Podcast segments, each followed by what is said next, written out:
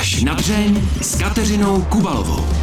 Bezmála 20 let jezdí s foťákem po světě a zaznamenává věci, které snad ani nechceme, ale měli bychom vidět. Dokumentovala mimo jiné zemětřesení na Haiti, kyselinové útoky v Indii, válku s islámským státem či násilí na ženách v Afganistánu. Za svou práci získala mnohá ocenění. Naším hostem bude už za chvíli fotografka Jarmila Štuková. Kateřina Kubalová přeje dobrý poslech. Fotografka Jarmila Štuková je dnes hostem pořadu až na dřeň. Dobrý den. Dobrý den. S kolegyní webeditorkou jste se tady před eh, naším natáčením domluvali na focení. Mě by docela u vás zajímalo, jestli vy osobně se vlastně ráda fotíte. Přímě moc ne. Já jsem hrozně ráda Jste za taková kobila. Je pravda, že když mi někdo, teď mám třeba výstavu v Římě a říká mi, no pošli nám fotku. Já říkám, že já mám vlastně tu dva roky starou, já prostě se moc nefotím, ale na stranu druhou, teď jsme byli třeba na premiéře představení Lej Suravcový mojí kamarádky a tam jsme si dělali to selfiečko a, a kamarád mi říká, prosím tě, ty nevíš ani kam se koukat na to selfie do toho telefonu. A říká, ale já už jsem těch selfieček udělala dost, ale vlastně jako, ne, opravdu kovářová byla chodí bosano. Máte schované nějaké svoje zásadní fotky životní třeba? Nějakou z dětství, na kterou se ráda podíváte, padne na vás třeba trošku nostalgie? Přiznám se, že svoje fotky ne, na ty se moc nekoukám, ale já se ráda koukám do minulosti a spíš se koukám třeba na moje rodiče, jak eh, vypadali, a není to jenom samozřejmě o tom fízis, ale, ale vždycky mě to tak hodí do té nostalgie, když se vzpomenu, jaký to bylo. Já bych se chytla toho, co jste teď řekla, že se ráda díváte do minulosti, tak já bych se s dovolením podívala s vámi do vašeho dětství. A jaké bylo? Bylo velmi mnohovrstevnaté, řekla bych. Hmm bych. A já jsem v dětství byla úplný blázen do psů a pak do koní. Teď zpětně, když se na to koukám právě s tou už nostalgií a tak, říká, proč já jsem se vlastně tak strašně fokusovala na ty zvířata. I když jsem byla vždycky prosociálně, jsem taková hodně extrovertní, tak já jsem opravdu hodně věřila těm zvířatům. A kromě teda těch psů a koní jsem měla mnoho akvárek a měla jsem opravdu různá zvířata od pavouků, hadů, křečků. Takže já opravdu, když se podívám, zavřu oči, tak vidím vidím malou Jarmilu mezi mraky zvířaty a ještě mýho psa Akima jsem měla Dalmatina. Mě 44, takže to už je velmi dávno, já jsem ho měla v sedmi letech. A v té době vždycky koukali lidi a říkali, to je nějaká malá doga, protože v té době dalmatini nebyly. To bylo velmi, jako řekněme, takové plemeno, který tady prostě nechodilo po ulicích. Já mám ségru, která je o 6 let starší a šli jsme obě úplně jinou cestou, tak máme krásný vztah a vždycky vidím, jak jsme se ségrou a povídáme si a, a tak. Takže to je moje jako vzpomínky z dětství. Taky asi důležitou roli ve vašem dětství hrál váš dědeček, který vám prý klidně dal mačetu a poslal vás s ní do lesa. To je pravda, můj děda byl plukovník plukovník, vyhozený v 68. z armády, což je mimochodem poznamenal velmi naší rodinu. A můj děda byl takový hodně tvrdý. A opravdu z pelíšku, když si vzpomenete na toho důstojníka tam prostě na tu nástěnku, tak děda byl hodně podobný. Já teda musím říct, že to mělo pozitiva i negativa. To, že jako prosekávat se mačetou a že vlastně jako vůbec nebral to, že jste holčička, která taky jakoby možná než mačetu chtěla možná jiný hezkosti, tak eh, toho nezajímalo. Ale zase on vás to jako hrozně zocelí, musím říct, jo. Že ten děda byl v tomhle jako super. On třeba měl takovou nádhernou zahradu, jo. Ale opravdu si představte prostě překrásnou zahradu děda, jak byl tvrdý k lidem, tak byl neuvěřitelně měkký vůči zvířatům a přírodě.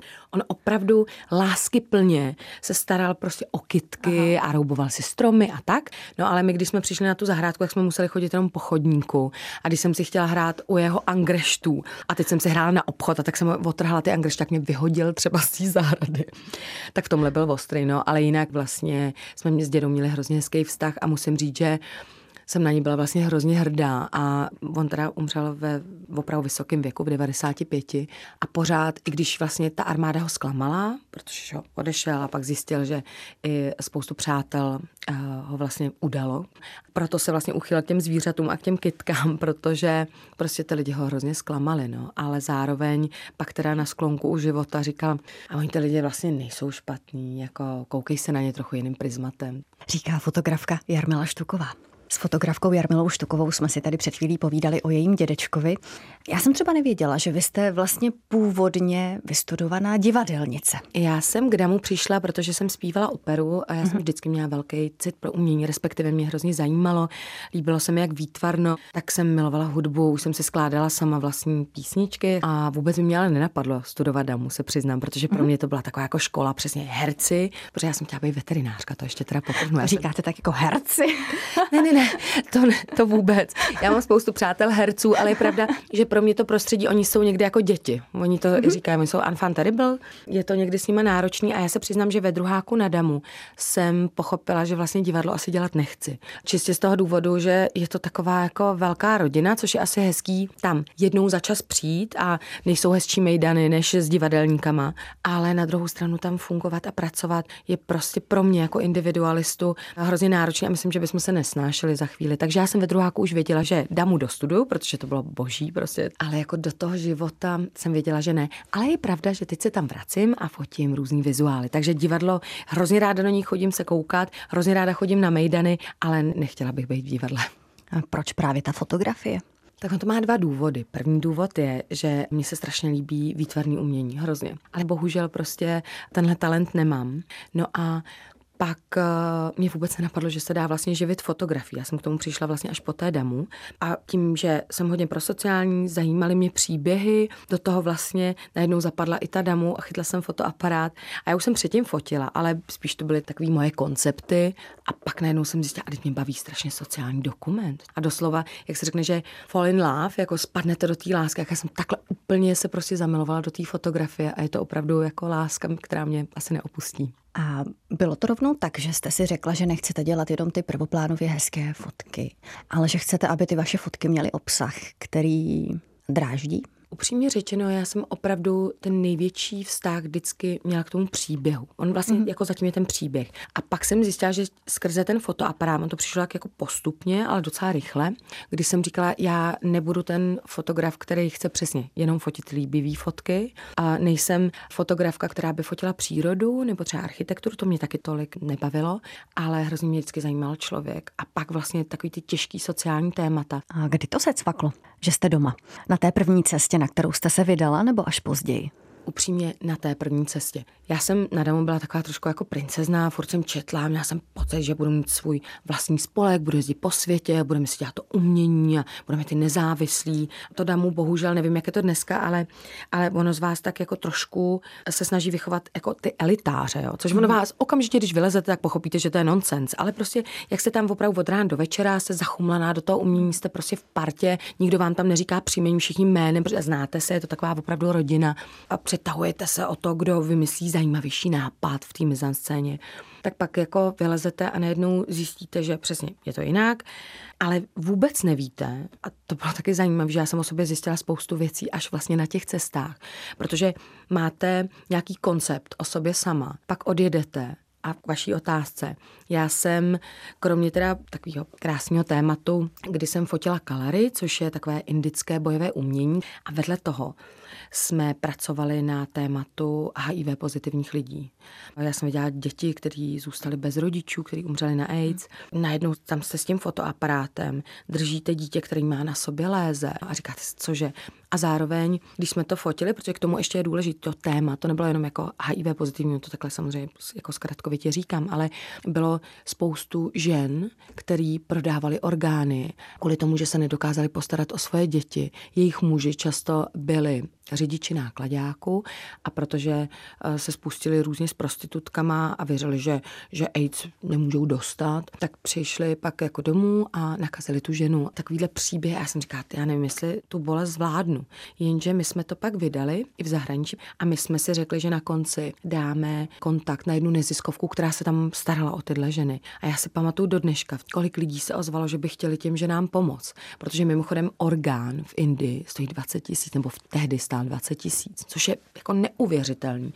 A na nás se obrátilo spoustu lidí a já jsem cítila, se pamatuju do dneška, kdy jsem si říkala, jo, tak na jednu stranu bolest a nevím, jestli to zvládnu, protože jako do dneška ty děti vidím, jo, to ve vás prostě zůstává. A na druhou stranu jsem si říkala, no jo, ale my fakt můžeme něco dělat jako zásadního, protože ta fotka opravdu může jakhle pomáhat nebo něco poukazovat. A tam jsem si řekla, tohle je vlastně moje cesta. Hostem pořadu až na dřeně stále fotografka Jarmila Štuková. Dokázala jste si během těch let, co jezdíte za fotkami.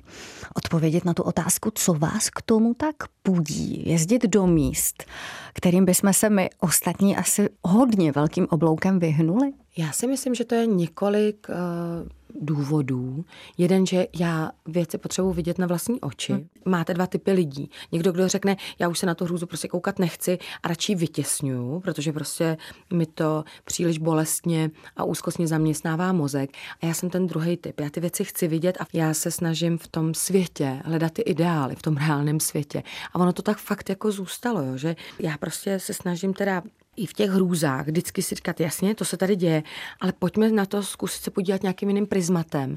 A zkusit to nějak změnit, poukázat na to, pomoct těm lidem třeba na tom místě, to trošku šoupnout. Jo. Ale říkám, není to žádný jako aktivistický model nebo mesiářský komplex. No, doufám, možná, možná ho slepou no a možná ho mám, ale myslím si, že ne. Druhá věc, mě vždycky strašně zajímaly jiný světy.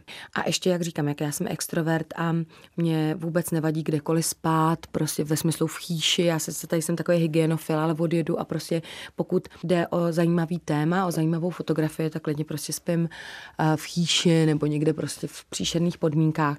A je to pro mě fascinující sledovat, jak se dá žít jinak. A musím říct, a to je vlastně jako neuvěřitelný, že když se vrátíte, tak eh, v rámci té komparace s tím vlastně, co já zažívám, si říkám, jo, my se fakt vlastně máme hezky. A proč neděláme víc, aby jsme se k sobě chovali hezky, aby jsme tady nějak jako, tak si ten prostor hýčkali, ty vztahy a tak, jo. A nebo naopak bych sobě upřímnější říct, hele, jsme nekompatibilní prostě, hmm. protože tvůj náhled je jiný. Tak to teda musím říct, že, že jako zajímavý, že vlastně mě, a proto když byl třeba covid i nějaký těžký věci, tak uh, z logiky jako toho, co dělám, tak uh, já fakt chci být užitečná a vždycky si říkám, ne, pořád se opravdu, tady ta Česká republika je vlastně boží. Někde jste říkala, že do válek jezdíte proto, abyste pochopila, co to v nás je. Hmm. Pochopila jste to? Nepochopila. Já vlastně musím říct, že jsem si kolikrát kladla otázky až jako takovým tím repetitivním způsobem, proč se to děje, proč vidím ty věci, proč se nedokážeme poučit, takové ty klasické. A pak jsem četla Zimbarda, a on mluví o konceptu heroes a jak, proč se z dobrých lidí stávají lidé zlí.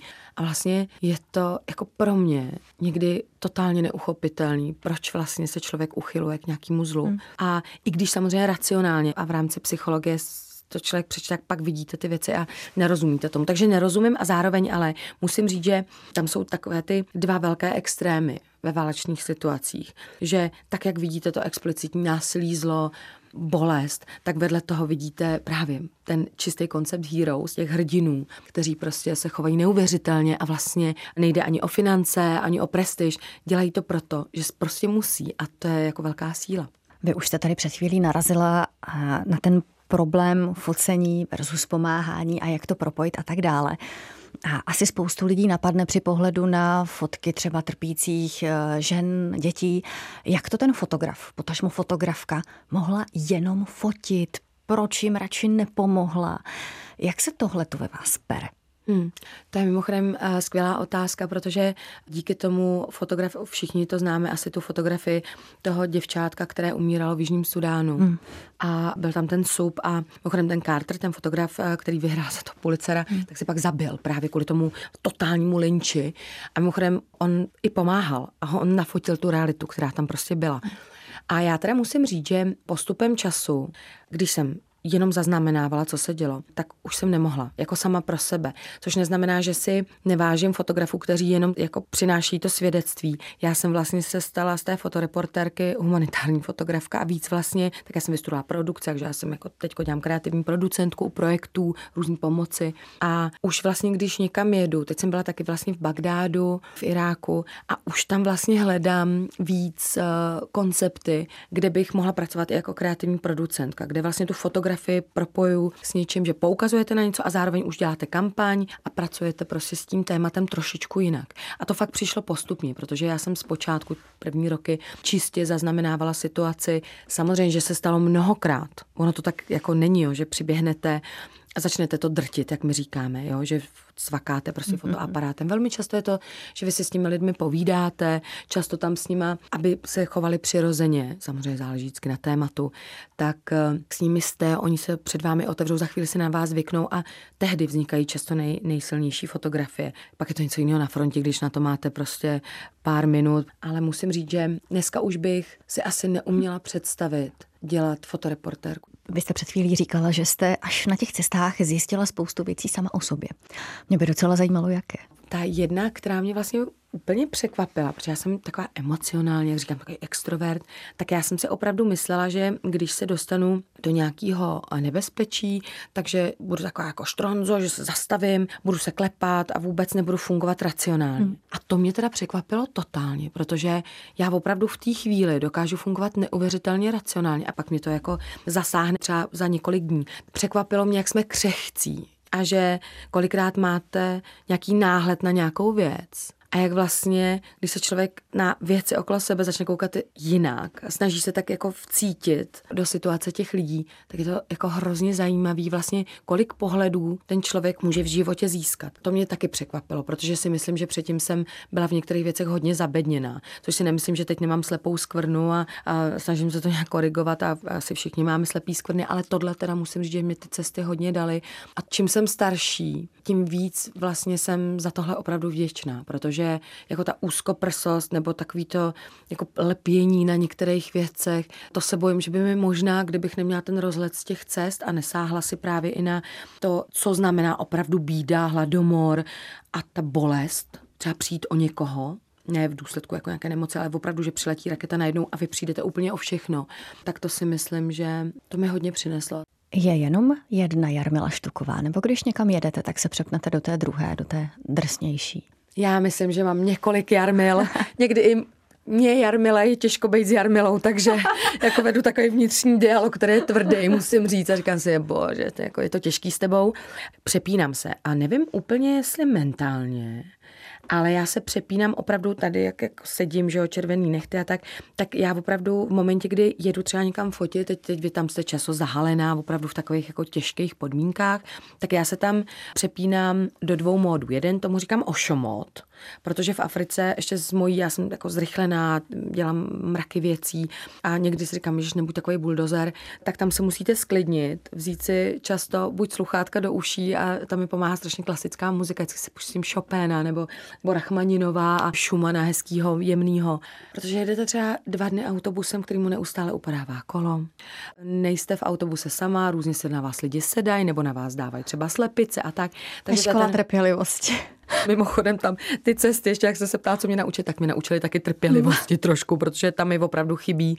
Takže tam se přepínám, tam je jiná jarma, tam se přibídám do ošomódu, sklidnění, abych se nezbláznila. A já si vždycky říkám ještě jednu věc, musíš respektovat tu zemi prostě jako jestli na to nemáš, tak tam nejezdí, protože to je nefér. Takže buď to jako přijmeš ty pravidla, pak se zase vrátíš do své země a tam jsou zase jiný pravidla, ale tady prostě musíš. Takže to je jedna věc. No a takový, jak říkám, jsem tady takový hygienofil a tam opravdu prostě někdy hold spíte v chýši na vydělaných kozích kůžích. Když se vrátíte, tak musíte vyprat to prádlo třeba třikrát, jako za sebou, protože opravdu pořád cítíte tu kozu.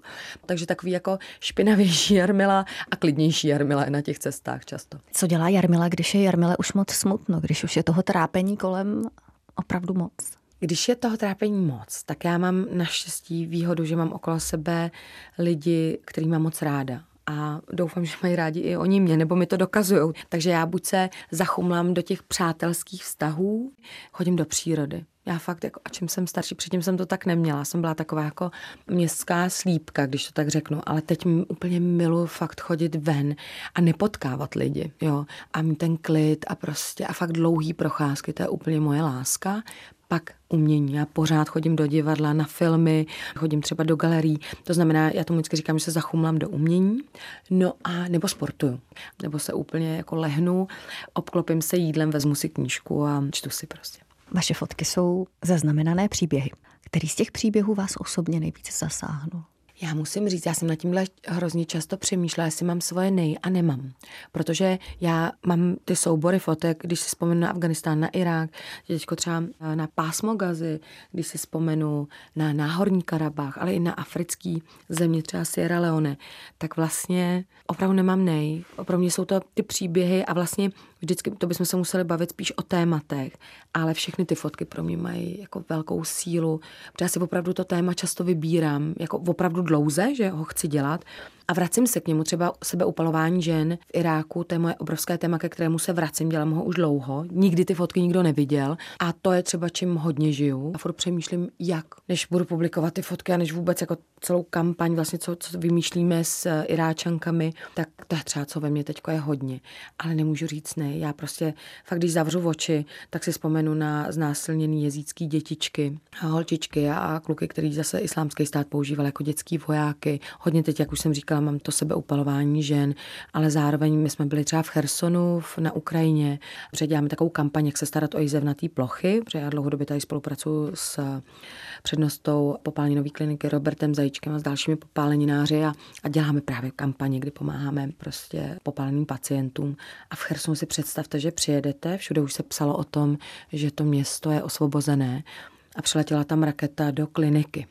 A to třeba musím říct, že byly situace, zase jak jsem se bavila o těch hrdinek, tam třeba za váma přijde doktorka se sestřičkou, mají obrovský kruhy pod očima, pracují tam v klinice, která prostě má obrovský kráter vlastně v sobě.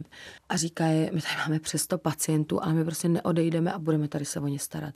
Takže to je třeba jako opravdu do dneška úplně bych vám přesně, kdybych to uměla nakreslit, tak vám tady přesně nakreslím, kde ta žena stála, jaký světlo na ní dopadalo a co to na mě mělo. Takže těch nedokážu opravdu říct nejinou. Neměla jste toho někdy už plné zuby? Neříkala jste si, nechám toho, pořídím si domeček, eh, budu mít eh, manžela, kupu dětí, pejska, kočičku, akvárko, už toho nechám. Tak já manžela mám 14 let, ale upřímně řečeno, jo, jako takových situací bylo hodně, kdy už jsem si říkala, já nevím, jestli to ještě jako zvládnu, jestli to unesu. A pak jsem se vždycky z toho oklepala a řekla jsem ti, počkej, ale ty víš, proč to děláš? A právě já nemám děti, jako z vlastního rozhodnutí, ale v těch dětech vidím svoje neteře často, že jo, když tam prostě si saháte a hlavně jsme ženy, jsme prostě lidi, já jsem velmi empatická a ještě já, jak jsem už mluvila o těch popáleninách, tak eh, my děláme třeba kempy pro popálené děti. Já eh, spolupracuju s mentálně handicapovanými, kdy dělám workshopy nebo chodím do domovů seniorů a tak, jo, že mě prostě hrozně tyhle ty věci baví a už v 15 letech jsem chodila vyměňovat stříkačky tady feťákům a tak, jo, takže já to dělám prostě jako z podstaty, že mi to prostě zase přináší ten smysl. No ale víte, kdy jsem opravdu toho měla tak dost, že jsem se, já většinou pláču jako vnitřně a snažím hmm. se nebrečet jako, protože vy tam přijedete, víte, jaký jdete dělat téma a upřímně řečeno, abyste ještě vy tam plakala. Někdy to nejde, někdy prostě jste, jste člověk, takže, takže toho člověka místo toho, abyste ho zpovídala, ho obejmete, protože už nemůžete. Ale třeba fakt do dneška si vzpomínám, když jsme přijeli do nemocnice v Erbilu v Iráku, my jsme sledovali válku s islámským státem, fakt jsme tam jezdili dlouhodobě, No, už jsme přijeli z fronty, byli jsme velmi, máte velkou spánkovou deprivaci, často prostě tak jde vám o život, ale dobře, to vy si zvolíte, ale vidíte přesně to explicitní násilí na vlastní oči, spoustu hrůzy a přijdete, a to my už jsme měli odlítat, to byl vlastně poslední den a čekali jsme, že budeme dělat rozhovory s vojáky no a tam jsme mluvili se ženou, která nám vyprávěla, jak islámský stát napichovala auto výbušninami a poslal je proti baráku, kde bylo vlastně doslova nasardinkováno několik rodin. A ten dům vybouchl, ona držela chlapce, který prostě tím, jak tam uh, lítali ty střepiny, tak byl prostě rozřezaný, doslova, to prostě. Do toho její dcerka ležela, ta už ani neplakala, jenom koukala do stropu. A já už jsem říkala, už prostě nemůžu. A to, co mě úplně dostalo, když ještě nás vzala pře hodně lidí, a vlastně drtivá, já musím říct 90%, když přijdete s tím fotoaparátem a kolikrát i vám, jako je to ženantní fotit něco, ale oni chtějí, abyste třeba přinášela právě to svědectví. Oni řeknou, ne, ne, tohle vyfoť, protože tohle je realita. No a vzala nás právě nahoru, no a tam byly dvě její dcerky ještě, kromě těch dětí, co jsme tam viděli, který měli rozsekaný oči, jo, opravdu úplně. A to já už jsem si sedla a začala jsem fakt brečet a říkala jsem, já už prostě nemůžu, já už to nechci dělat prostě.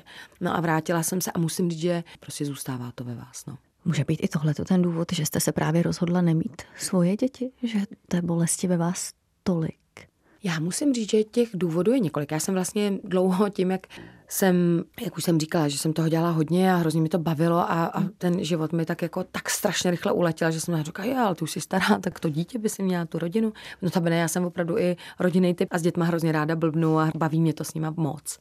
Jenže já jsem z rozvedené rodiny, i když jako naše se k sobě pak vrátili a tak a mám je moc ráda, ale já jsem vlastně koncept rodiny právě po docela traumatizujících dětských, jak, jsem, jak jsme se bavili o tom dětství, jak já tam mám i nějaký traumatizující okamžiky, tak jsem vlastně koncept rodiny vůbec jako necítila.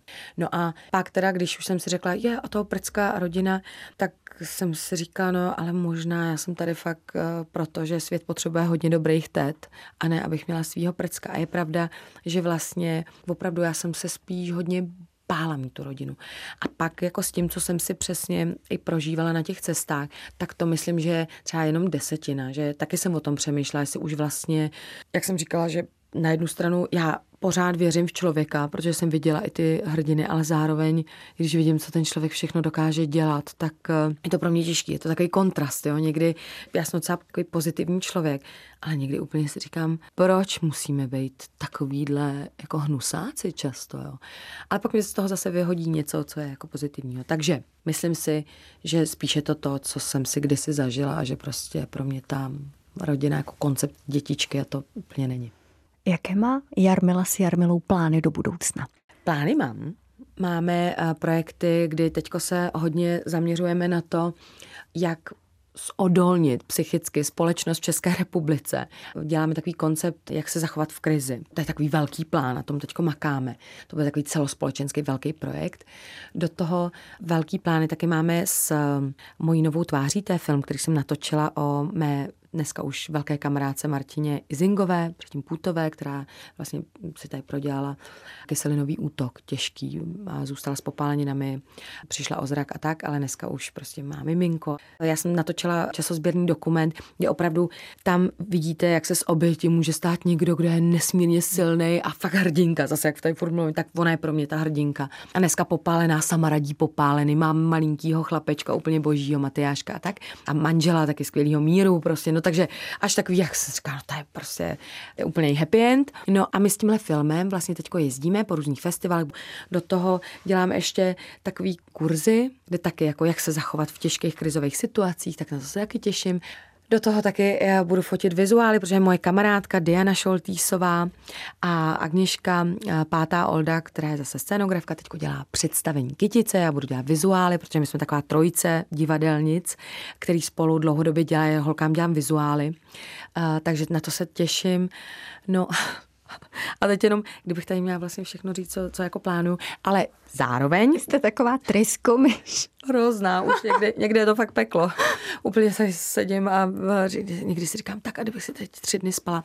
No prostě je toho strašně moc, ale pak tam samozřejmě si nechám takový malinký, jak to říct, no, takový časo, prostor, kdyby eh, něco přišlo. A mm, já jsem měla odletět do Pakistánu, snažila jsem se i o pásmo gas a tak. Ale možná teda ještě odletím do Pakistánu. No, uvidí se. Hostem pořadu až na dřeň byla fotografka Jarmila Štuková. Moc krát vám za to děkuju. Mějte se krásně. Ať se daří. Já děkuji za pozvání. A mě nezbývá, než dodat, že pořad až na dřeni si můžete poslechnout také jako podcast. A připravený je i videozáznam z natáčení. Kateřina Kubalová se těší na slyšenou zase za týden. Mějte se krásně.